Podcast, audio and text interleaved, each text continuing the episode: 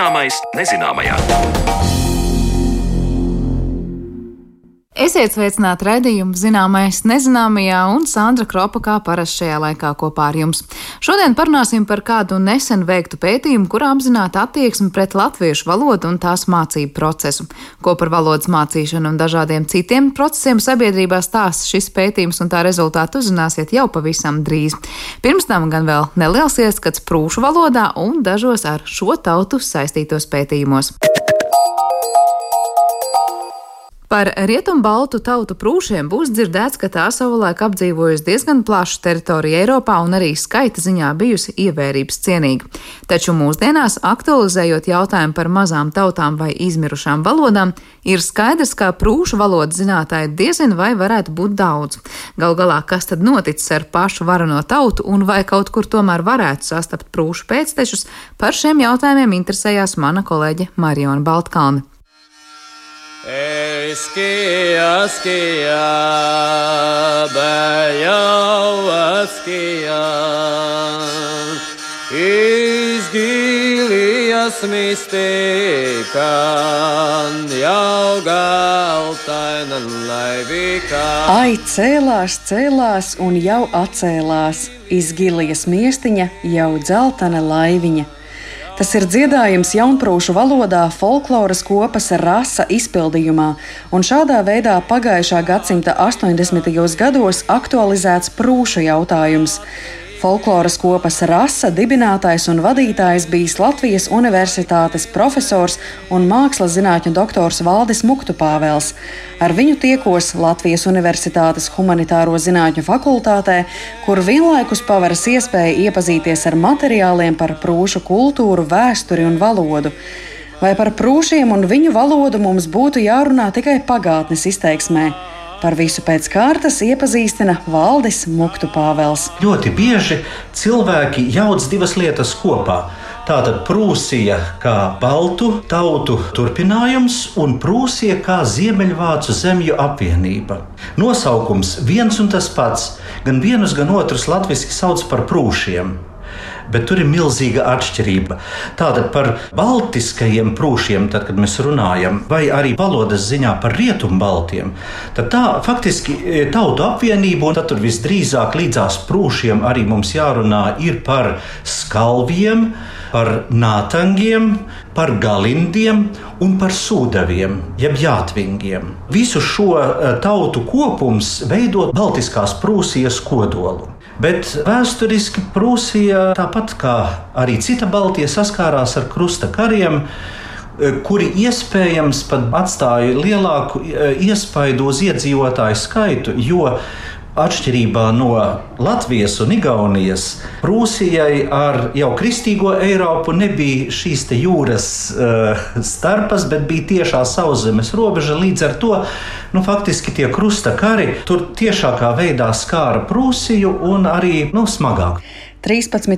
gadsimtam noslēdzoties, Prūsijā ir aptuveni vienāds gan baltisko prūšu, gan krustakaru ienācēju daudzums, un tie ir vācieši, čehi, bohēmieši, poļi, holandieši. Pēc krustneša ienākšanas izveidojas Prūsijas ordeņa valsts. Reformācija, kad sākās Vācu zemēs, tad Baltiskajā Prūsijā tā bija viena no pirmajām zemēm, kur reformācija notika pamatīgi. Prūsija no ordeņa valsts kļuva par laicīgu, par hercogisti, un Albrechts Brandenburgietis no Hohenzollernu dzimtas, tā sakot, bija hercogs. Var sakot, Ļoti drīz notika tādas lietas, ka sapricināja tur eh, divas atveses no Brandenburgas un no Baltiskās Prūsijas, un ar to brīdi sāka saplūst Prūsija ar Vācu zemēm. Un 1618. Eh, gadā, kad šīs precības notika, izveidojās Brandenburgas Prūsijas apvienība, kuru sauca par Prūsiju. Un tālāk šī Brandenburgas Prūsijas firstiste, kas bija vēlāk kļuva jau par karalisti, un arvien vairāk apvienoja Vācu zemes, un būtībā izveidojās Ziemeļvācijas apvienība ar nosaukumu Prūsija, ar centru Berlīnē. Tajā pašā laikā saglabājās arī sasaiste ar tā saucamo Baltisko Prūsiju, jeb Austrumprūsiju, jo Vāciskās Prūsijas valdniekus parasti kronēja Kēnigsbergas pilī, un Kēnigsberga neapšaubāmi bija Baltiskās Prūsijas centrs. Kas tad tā visa rezultātā dzīvoja Prūsijā? Protams, rietumbaltu tautu pēcteči, vēlāk krustakaru ienācēji, bet pēc reformācijas, atsaucoties valda Muktu Pāvela teiktajam, sākas visādi brīnumi. Prūsijā ienāk lietuvieši, ko dēvē par lietuvininkiem, un tie pēc reformācijas kļūst luterticīgi, hugenoti jeb reformācijas piekritēji no Francijas. Reliģisku konfliktu dēļ Prūsijā nonāk arī Zaldzburgieši no tagadējās Austrijas. Visbeidzot, kurzemnieki, kuri dodas uz kuršu jomas austrumu ciemiemiem un nodarbojas ar zvejniecību, un šeit kurzemniekus dēvē par kurseniekiem. Faktiski vēl vienu eh, terminu es šeit gribu pieteikt, un tas termins ir prūsieši. Prūsieši būtu Prūsijas iedzīvotāji. Mēs šobrīd, ja lietojam vārdu prūši, tad parasti ar to domājam specifiski baltiskos prūšus un viņu pēctečus. Bet nu, galu galā vienā valstī dzīvojot, uh, nu, tomēr notiek zināma homogenizācija un izveidojas viena tauta, kura varbūt runā atsevišķās valodās, un, protams, kārtu atšķirības, it īpaši līdz 19. gadsimtam, dažādas bija. Bet mēs varam lietot šo terminu prūsieši kā tādu apkopojošu terminu visiem, kas dzīvoja Prūsijā.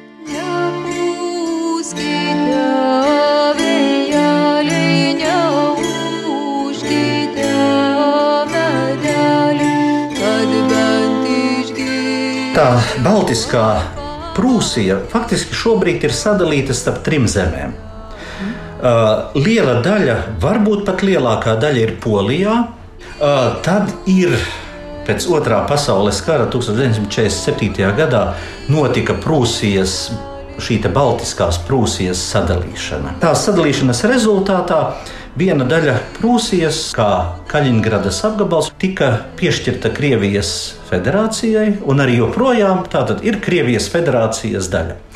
Un pati pati ziemeļu daļa tika piegriezta Lietuvai klāt. Lietuvas daļa ir kuršu kāpas, kuršu kāpu ziemeļu daļa puse apmēram ir Lietuvai, un tas ir Klaipēdas apgabals. No kuršu kāpām saglabājušās arī prūsijas lietuviešu jeb lietuvinku precību dziesmas, kas pēc sižeta līdzīgas kurzemnieku dziesmām. Bet jāatminas, ka kuršu kāpā dzīvojuši arī kursenieki, kas runājuši kurzemes dienvidu rietumu izloksnē, līdz ar to Latvijai un Prūsijai ir būtiska saistība. Vēl viena nozīmīga saistība ir tāda, ka latviešu literārā valoda un grāmatniecība ir ar saknēm Baltiskajā Prūsijā, kas ļoti palīdzēja Baltijas provincēm ar grāmatu iespiešanu. Arī starpkaru periodā 20. gadsimtā Latvijai un Austrumprūsijai attiecības bijušas gana spēcīgas. Piemēram, savā starpā kontaktējās Latvijas un Prūsijas inteliģence. Kas ir uh, traģiski ar to Prūsiju? Ka pēc otrā pasaules kara, tajā daļā, kas tika piešķirta Krievijai, tajā daļā notika toponīmiskā katastrofa. Faktiski otrais pasaules karš Prūsijā bija visāda veida katastrofa, gan iedzīvotāju ziņā. Visvairāk cietusī Eiropas zeme ir tieši šī Baltiskā Prūsija. Pilnīgi visi vietvārdi tika izmainīti. Kenigsberga kļuva par Kaļiņgradu, Tilzīta par Sovetsku un, un tā tālāk.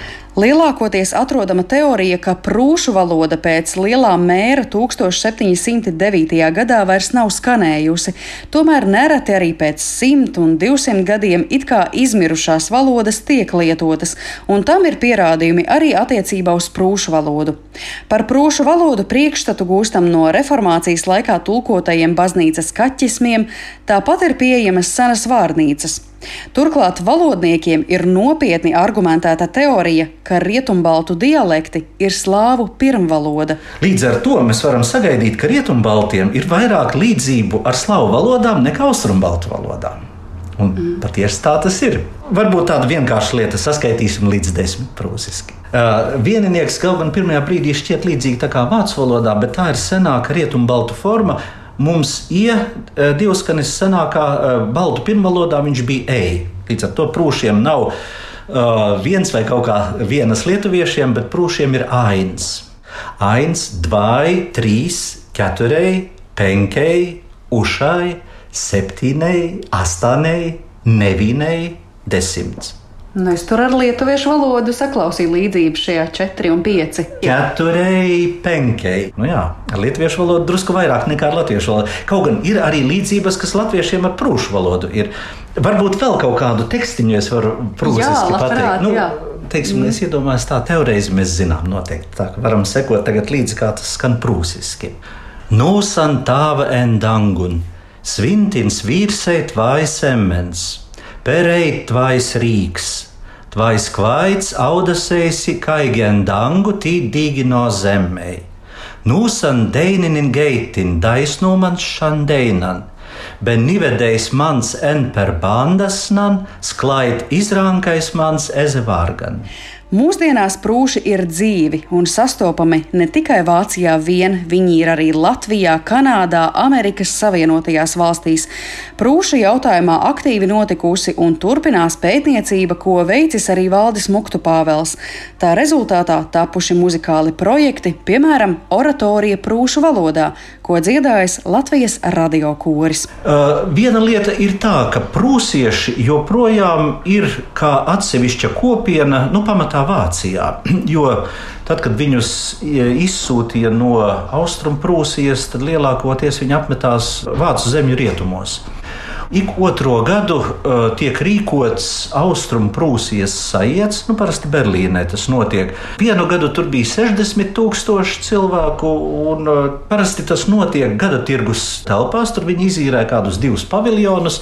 Vienā paviljonā tur lekcijas, koncerti, izstādes, un otrā paviljonā ir galdi salikti, un uz tiem galdiem ir vietvārdi Mēmelland, un tur atsevišķi jau sīkāk pa ciemiem. Un tad cilvēki atrod savus vietvārdus un iet tajā vietā, tur kontaktējas ar saviem novadniekiem, saģērbušies tautas tērpos. Un tā pirmajā brīdī, ja es nezinātu, no kurienes ir, nu, varētu būt no vidzemes, varbūt arī tas tautas tērps. Nu, varbūt viduskurzeme, kaut kas tāds Tikpat labi zemgales, piemēram, tērps. Mūsdienās e, ir diezgan tendence e, kaut kādas savas prūsiskās saknes atrast un sevi pozicionēt kā prūsi. 1985. gadā tika publicēts Jaunprūšu manifests. Redz, tas vārds jaunprūšu valoda tagad parādās pēc tam, kad tas manifests definēja, ka vajag uztaisīt valodu, ko var lietot mūsdienās. Tad tā ir tā atšķirība no vecprūšu valodas, kas ir dokumentēta, un tur nekas vairs nemainīsies vecprūšu valodā. Pēc pāris gadiem lietuviešu valodnieks Lets Palmaitis publicēja vecprūšu gramatiku, un tālāk viņš uztaisīja arī jaunprūšu gramatiku, ko var rekonstruēt uz prūšu dokumentēto prūšu tekstu pamata. Tas faktiski deva iespēju prūšu valodu mācīties cilvēkiem no nulles, tā sakot. Ar prūšu vēsturi, valodu un šīs tautas pašreizējo situāciju iepazīstināja Latvijas Universitātes profesors, mākslas zinātņu doktors Valdis Muktupāvils un ar viņu tikās Mariona Baltkalne. Bet par latviešu valodu un ar to saistītiem pētījumiem mēs parunāsim raidījuma turpinājumā.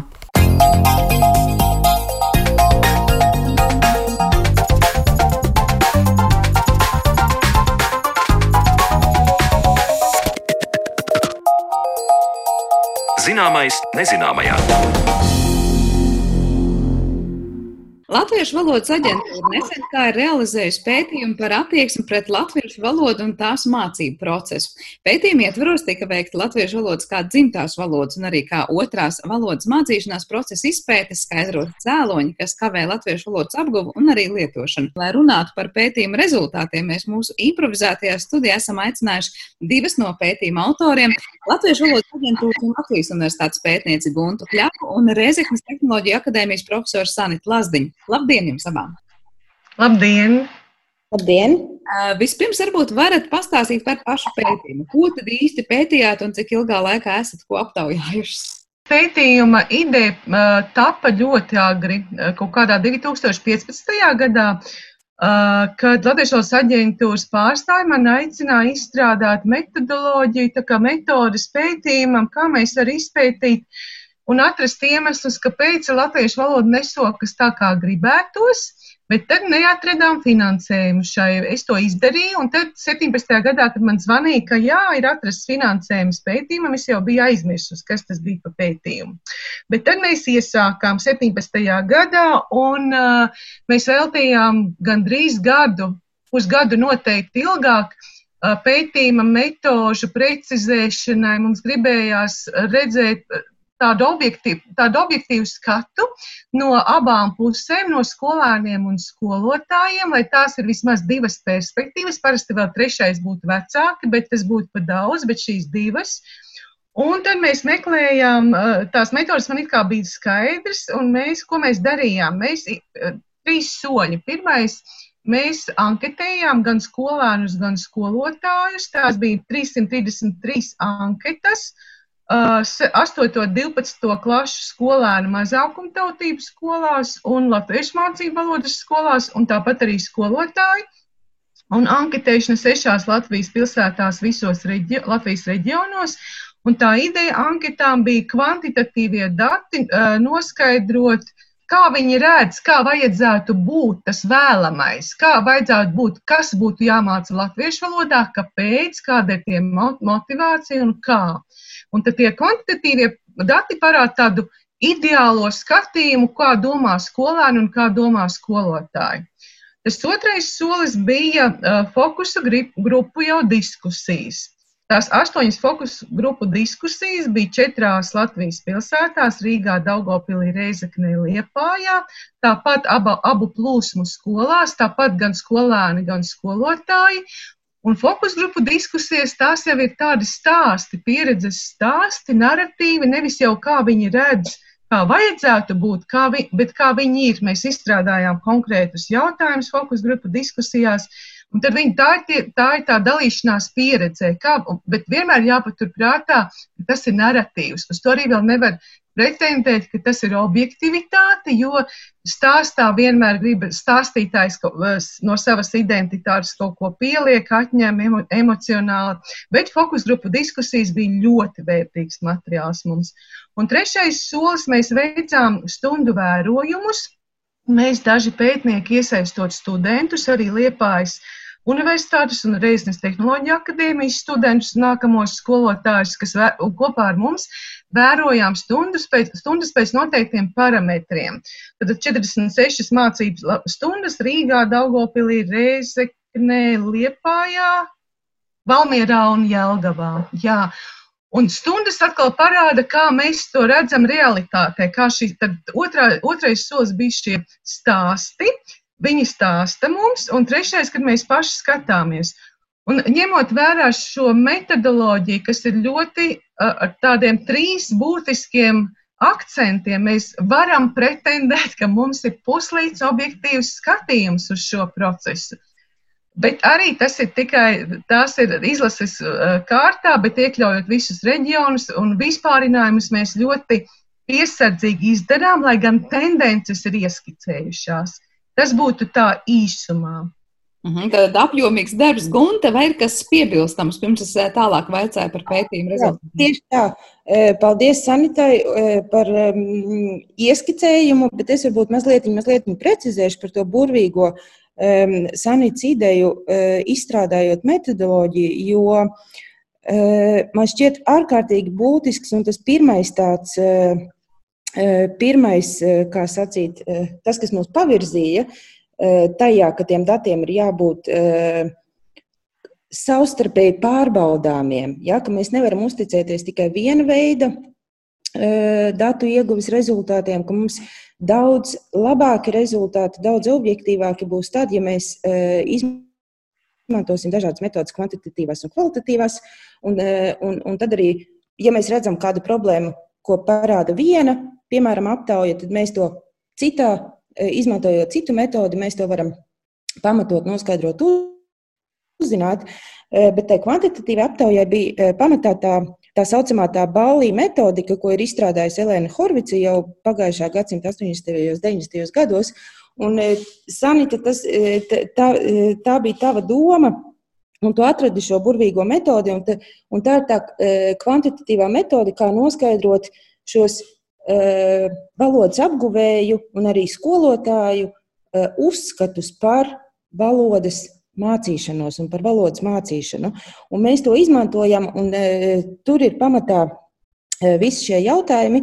Pamatā ir sadalīti piecos virzienos, e, k, e, no kuriem tātad pirmais ir noskaidrot šo respondentu e, domas, viedokli par e, valodas apguves sarežģītību, par cilvēku spējām apgūt svešvalodas un vispār valodas, val, par valodas apguves mācību procesu, par uh, dažādām mācīšanās un komunikatīvajām stratēģijām, motivāciju un gaidām. Mazliet precizējot to, ko jūs teicāt, tagad arī ir dažādās kategorijās šie jautājumi. Ko tas īsti nozīmē tagad cilvēkiem, kas vienkārši klausās šo raidījumu no malas, nav piedalījušies pētījumā, nav varbūt arī bijuši tā mērķa auditorija? Tādās lielās līnijās runājot, jautājums par to, patīk jums, nepatīk tas, kā jums māca valodu, vai jums patīk, nepatīk tas, kā jūs esat spiesti mācīt valodu, vai tā ir jautājums par to, kas tev palīdzētu labāk iemācīties latviešu valodu, nu, tāda veida jautājumi, vai tur vispār attieksmē tev patīk latviešu valodu, vai tev ir jāmācās?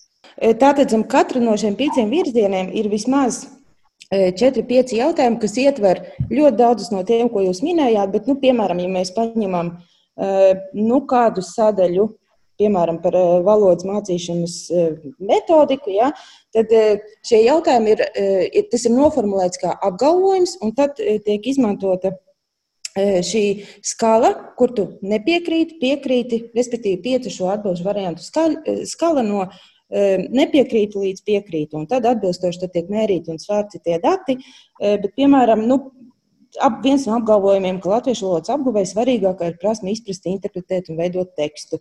Vai savukārt, e, e, vai tu tam piekrīti vai nē, vai e, latviešu valodas apguvē pēc iespējas vairāk jāizmanto autentiski, jeb dzīvē reāli izmantoti teksti un situācijas. Ja? Un tad, tātad, un atbilstoši tam, tad tiek iegūti rezultāti, un tie, viņi ir formulēti samērā vienkārši, lai 8. un 12. klases skolēni, kas ir jau pieauguši cilvēki spēj e, padomāt, saprast un, un, e, un sniegt savu viedokli. Cik lielā mērā salīdzinot e, to, ko atbildēja skolotāji un, tie, un ko atbildēja skolēni, sakrita vai nesakrita, ko viņi vēlas un kā viņi redz to procesu? Jā, un paldies par šo jautājumu, jo šis bija tieši viens no, no, no mūsu mērķiem saprast šīs sanita, man šķiet, kā mēs viņus nosaucām par šķērēm, Jā, vai, vai parādās šķēres skolēnu un skolotāju viedokļos? Jā, jā.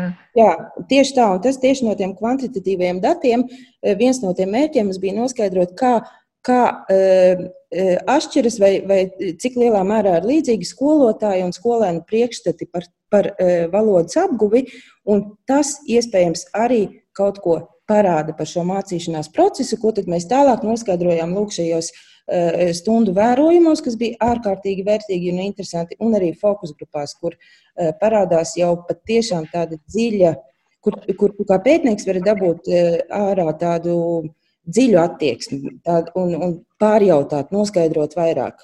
Varbūt klausītājiem tas nav tik, tik varbūt interesanti, ko es tagad teikšu, bet pētniekiem tas ir tāds pilnīgs liekas Tu sagaidi, ka skolēni un skolotāji sagaid, eh, atbildēs ļoti atšķirīgi, bet patiesībā mūs pārsteidza par šo pirmo kvantitatīviem datiem, ka tik liela atšķirība, kā viņi redz, kā vajadzētu būt, kā būs būt, tik liela atšķirība nav.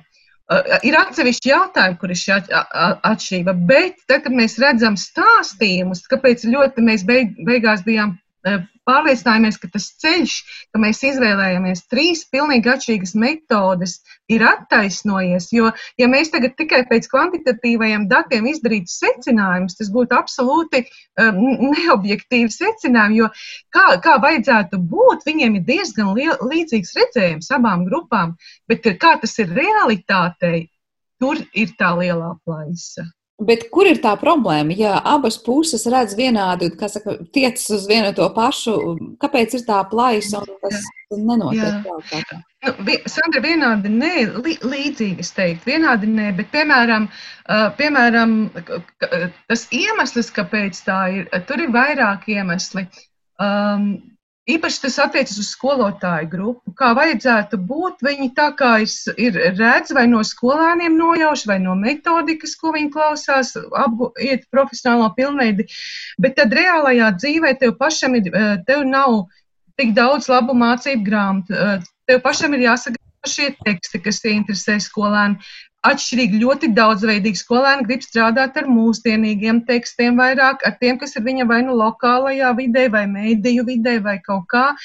Skolotājiem fiziski nepietiek tam laika, uh, varbūt arī zināšanu, kā ar tiem darboties. Un, un tā, tur, tur Tas ir, tas ir viens iemesls, kur es redzu vairāk uh, skolotājus. Tad ir šī pieredze, kas nāk, man liekas, vēl aizvien no padomu laikiem par uh, lomas izpratni, ka autoritārajā režīmā tu esi autoritāte, un, kā es teikšu, tā, tā būtu jābūt.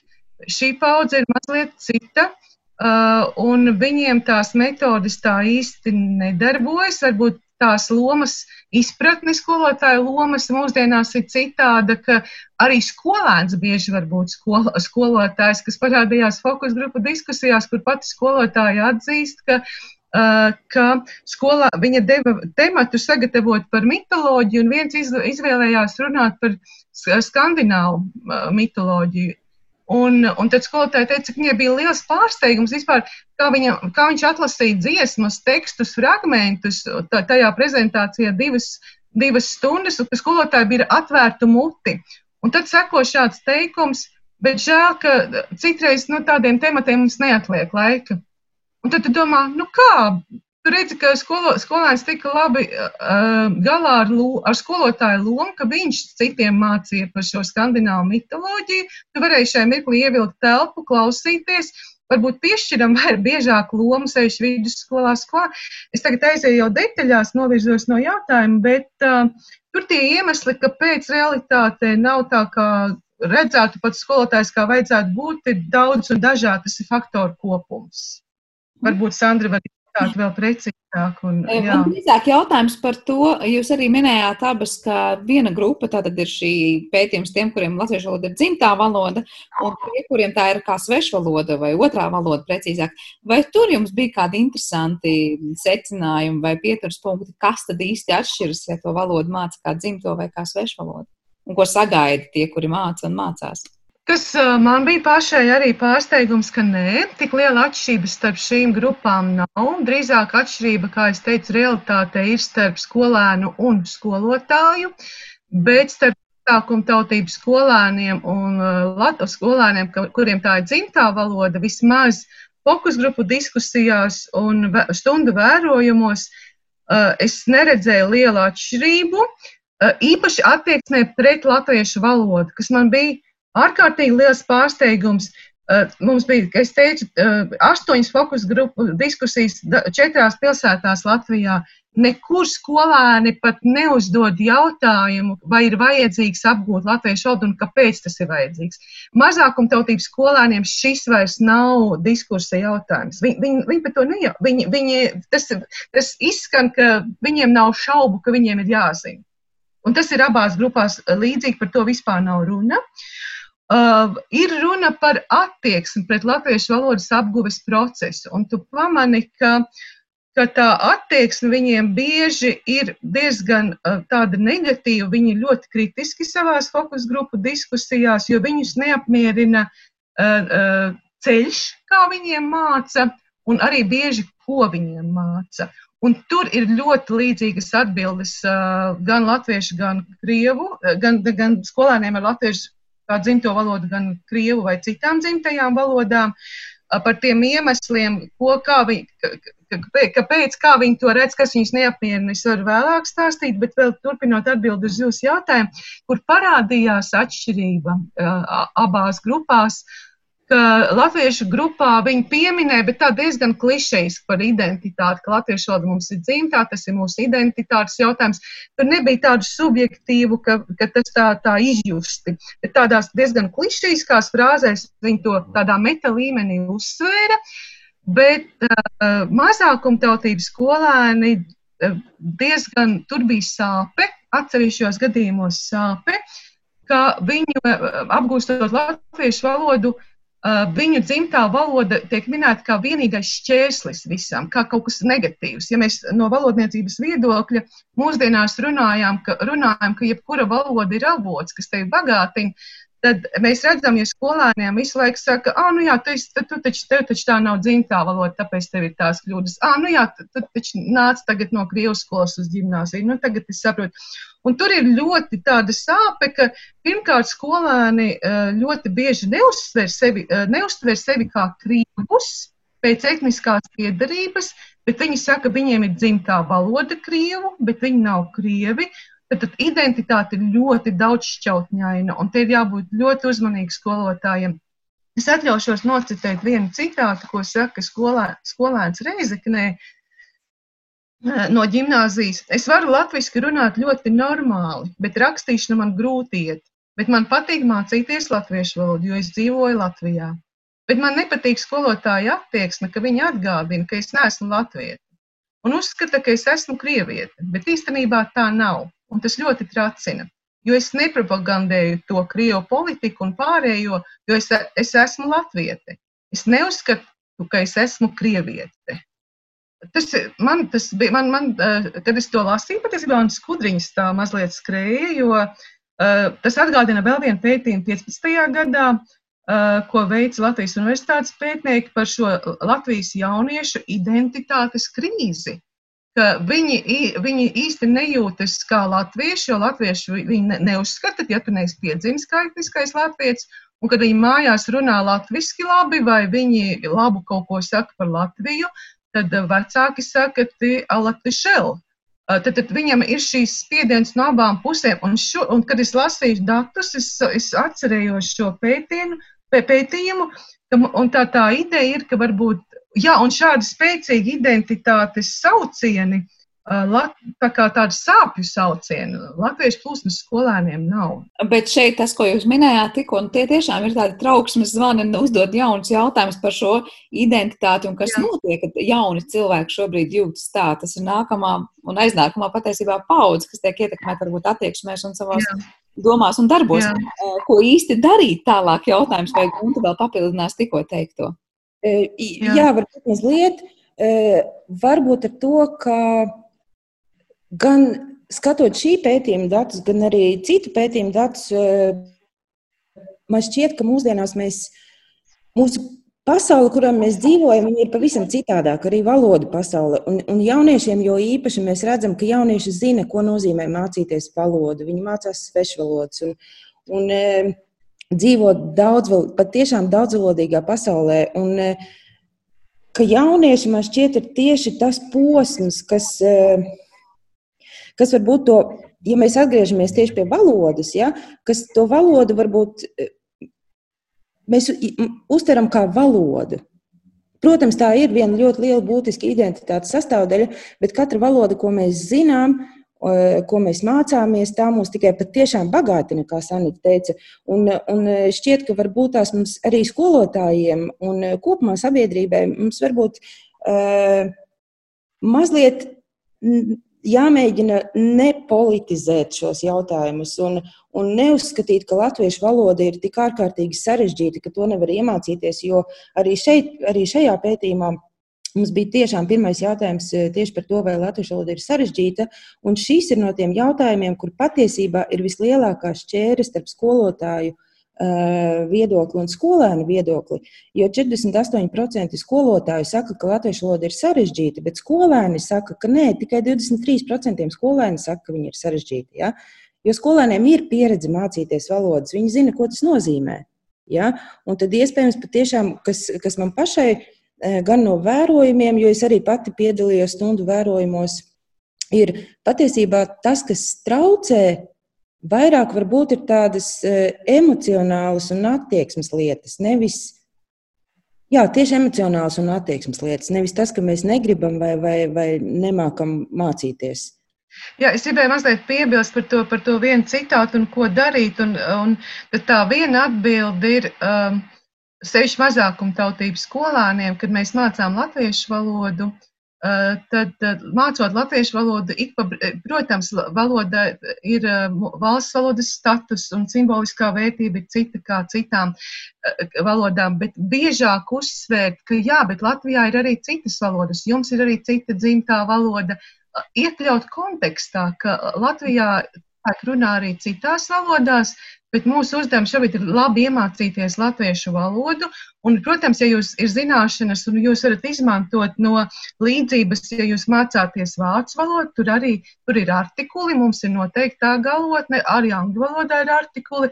Kā jums šķiet, kā noteiktība, ka mēs to bagāžu, ko, ko, mēs, ko skolēni iegūst, mācoties valodas, pirmkārt mēs tik ļoti nenošķiram no citiem priekšmetiem, bet runājam tādā diskursā, kad mācām latviešu valodu, tādu citu valodu un kultūru diskursā, un, un, un, uh, un tiešām varbūt rosinām skolēnus vairāk domāt, kā citas valodas, citu valodu zināšanas, ko viņi zina vai mācās. Var viņiem palīdzēt apgūt latviešu valodu, pamainām rakursus, nevis redzam visu laiku, kā parādās arī skolotāju diskusijās, ja, ka Daugopilī skolotājs saka, nu jā, te nav, te nav vides, viņiem krievu valoda ir tā, tā kas apdraud latviešu valodu un tā.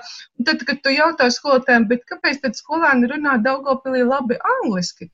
Angļu valodas vidas viņiem arī tur nav. Ja? Tad, tad tas nu, nevajag visu laiku tādos trafaretos. Liepā, Liepājā saka, ka kontaktu valoda, angļu valoda ir tā, kas apdraud. Un arī skolēni, es arī paralēli pētu pārspriedumus 12, 2018. gadā, ko viņi centralizētajos eksāmenos rakstīja. Un tur parādās, ka tā, tā kā skolēni ir kā atbalsts skolotāju teiktajam, latviešu valoda ir apdraudēta, angļu valoda apdraud, krievu valoda apdraud. Paskatāmies uz latviešu valodu ne tikai caur, kā Gunte teica, ne tikai politizējam caur šo simbolisko vērtību, bet piešķiram latviešu valodai vairāk lietojuma vērtību. Ar to es saprotu, ka rādām spilgtus piemērus, lūk, no Sandras Kropas raidījuma vai kāda cita, kur cilvēki latviešu valodā izsakās, pierāda, argumentē, diskutē, debatē, ka parādām, ka latviešu tas ir ļoti forši, ka tu proti labu latviešu valodu, ja, bet mums ir vairāk tāds akcents uz to bārenīti, viņa ir apdraudēta, viņa ir nabadzīta, citas valodas apdraud. Man liekas, ir jāpiešķir cita loma latviešu valodai. Nu, Izklausās pēc tādas latviešu valodas reanimācijas pasākuma, mazliet arī mūsu. jā, valodniecībā lieto revitalizāciju, atzim, atzimšanas, ja?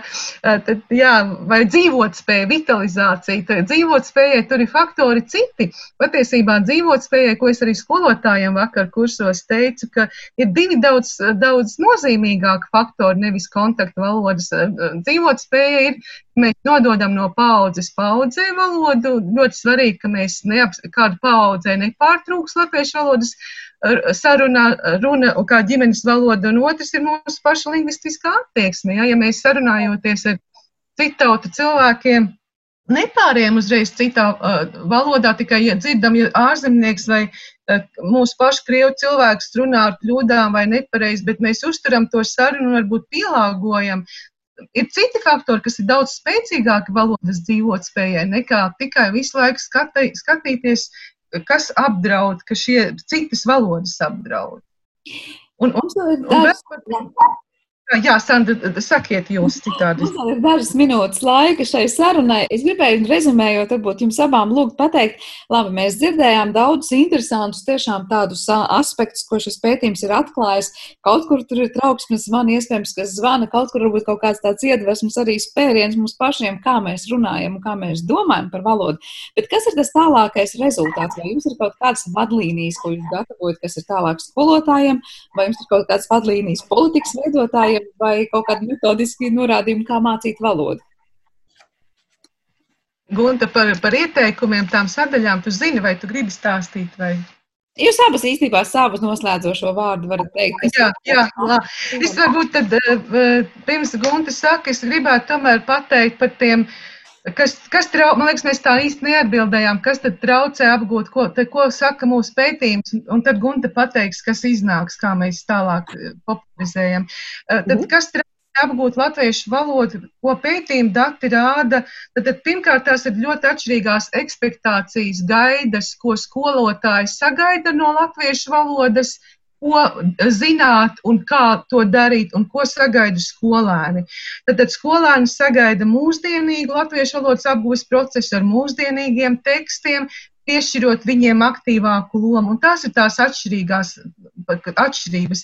Tālāk mēs to vērtību mēs minējām, ka pam, piešķiram ne tikai simbolisko, bet lietojumu vērtību. Pārāk liels uzsvars, tas arī ir patiesībā mēs redzam. Un es vienu ļoti svarīgu aspektu neminēju, ko šis pētījums man atklāja, ka mums ir mērķi kopīgie latviešu valodas apguvē, mums ir programmas standarti, bet, un mēs bieži sakām, ka skolēniem nav motivācijas. Bet patiesībā motivācijas trūkums ir sekas, tas nav iemesls. Iemesls ir, ka emocionāli nejūtas labi. Ļoti bieži šis ir atsevišķs saruna par valodas trauksmi, par trauksmainību stundās, un, un, un motivā, ka viņiem vairs nav motivācijas. Tās ir sekas, nevis iemesls. Un tamdēļ, kā to varētu novērst, ar skolēniem jāstrādā ar individuāliem mērķiem.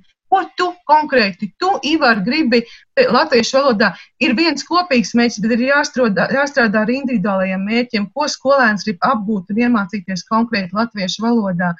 Tad tas, man liekas, ir tāds ļoti, ļoti uh, nozīmīgs secinājums. Ja? Tad, tad pieiet, pietuvoties skolēna pasaulē. Un es šobrīd arī rakstu vēl vienu materiālu par valodas trauksmi, kas ir ļoti liels pārsteigums, cik daudz ir šīs trauksmes latviešu valodas stundās, un šis emocionālais fons nevienmēr ir tas, kas veicina valodas apguvi. E, es pilnībā piekrītu Sanitai, jo man arī tas bija lielākais pārsteigums tieši par šo emociju nozīmi latviešu valodas stundās. Bet e, varbūt tās, lai mēs beig, e, pabeigtu uz tādu, uz tādu mazliet pozitīvāku noti, tad e, kas man radīja prieku, tieši no skolo, varbūt eh, skatoties skolotāju rezultātus un, un skolotāju domas, un tā, ka patiešām bija daudz skolotāju, kas grib saprast mūsdienu jaunieti, grib viņam palīdzēt. Un varbūt ar, eh, ar tādu pozitīvu, es gribētu tādu pozitīvu mazliet uh, skatu arī šim visam, jo patiešām bija ļoti daudz labu piemēru arī stundā, un kā skolotāji savstarpēji ar bērniem kopā, kā uh, kā kolēģi, nevis kā padotais un, un, un viens svarīgais strādā. Ka, jā, par, par to savstarpējo sapratni, ka tur viss būs labi. Bet rezultāti tiešām mums ir uh, plānoti. Uh, laikam pamatā tādos divos virzienos. Tātad viens ir tas, mēs izstrādājam ieteikumus par 15 tēmām, kas, eh, kas, ir, eh, kas attiecas uz latviešu valodas mācību stundu. Katrai tēmai būs veltīts savs buklets. Tas būs tāds bukleta komplekts, kas būs pieejams gan drukātā versijā, gan elektroniskā versijā, jo man pašai, es domāju, un daudziem citiem patīk vēl kaut ko turēt rokās un tur ātri var paskatīties. Un tā. Tur, un katrā bukletā ir aprakstīta situācija, pētījuma rezultāti, un arī, kas man šķiet pats vērtīgākais, ir ieteikumi skolotājiem, skolām, varbūt tiem, kas ir iesaistīti mācību procesā, kā varbūt labāk. Arī vecākiem. Arī, arī vecākiem, jā, jā, vecākiem un arī mācību līdzekļu autoriem, tie, kas, tie, kas gatavo. Jā, lūk, tad es, es, es pati domāju, ka tiešām šie ieteikumi ir vērtīgākā lieta. Un, novēlētu varbūt tiem, kas lasīs, un tiem, kas tas būs vajadzīgs, e, nevis izskriet cauri ātri, bet patiešām iedziļināties un padomāt, ja es esmu skolotājs, tad kāpēc es to daru un e, kā es to varu darīt labāk, ja man Jā. patīk mans darbs. Nu, e, un, un otra lieta būs arī tādi, arī mājaslapā pieejami, tie jau būs Tāda precīzāka, vienkārši tāda ieteikumu sadaļa atsevišķi politikas veidotājiem, skolotājiem, vecākiem, skolēniem, mācību līdzekļu autoriem, pedagoģu sagatavotājiem. Un tur jau patiešām arī konkrēti pa punktiem, kas, no, kā mēs esam secinājuši pētījumā, tad kam būtu nākotnē jāpievērš uzmanība, lai, lai, lai latviešu valoda skolā būtu viens patiešām priecīgs un, un ļoti jauks priekšmets, ko bērniem patīk apgūt. Jā, nu paldies. Es eh, klausoties jūsos, varu teikt tikai to, ka, protams, gan rezultāti jums ir iespaidīgi, gan arī tālākie nākotnes mērķi un konkrētie piemēri, ko darīt.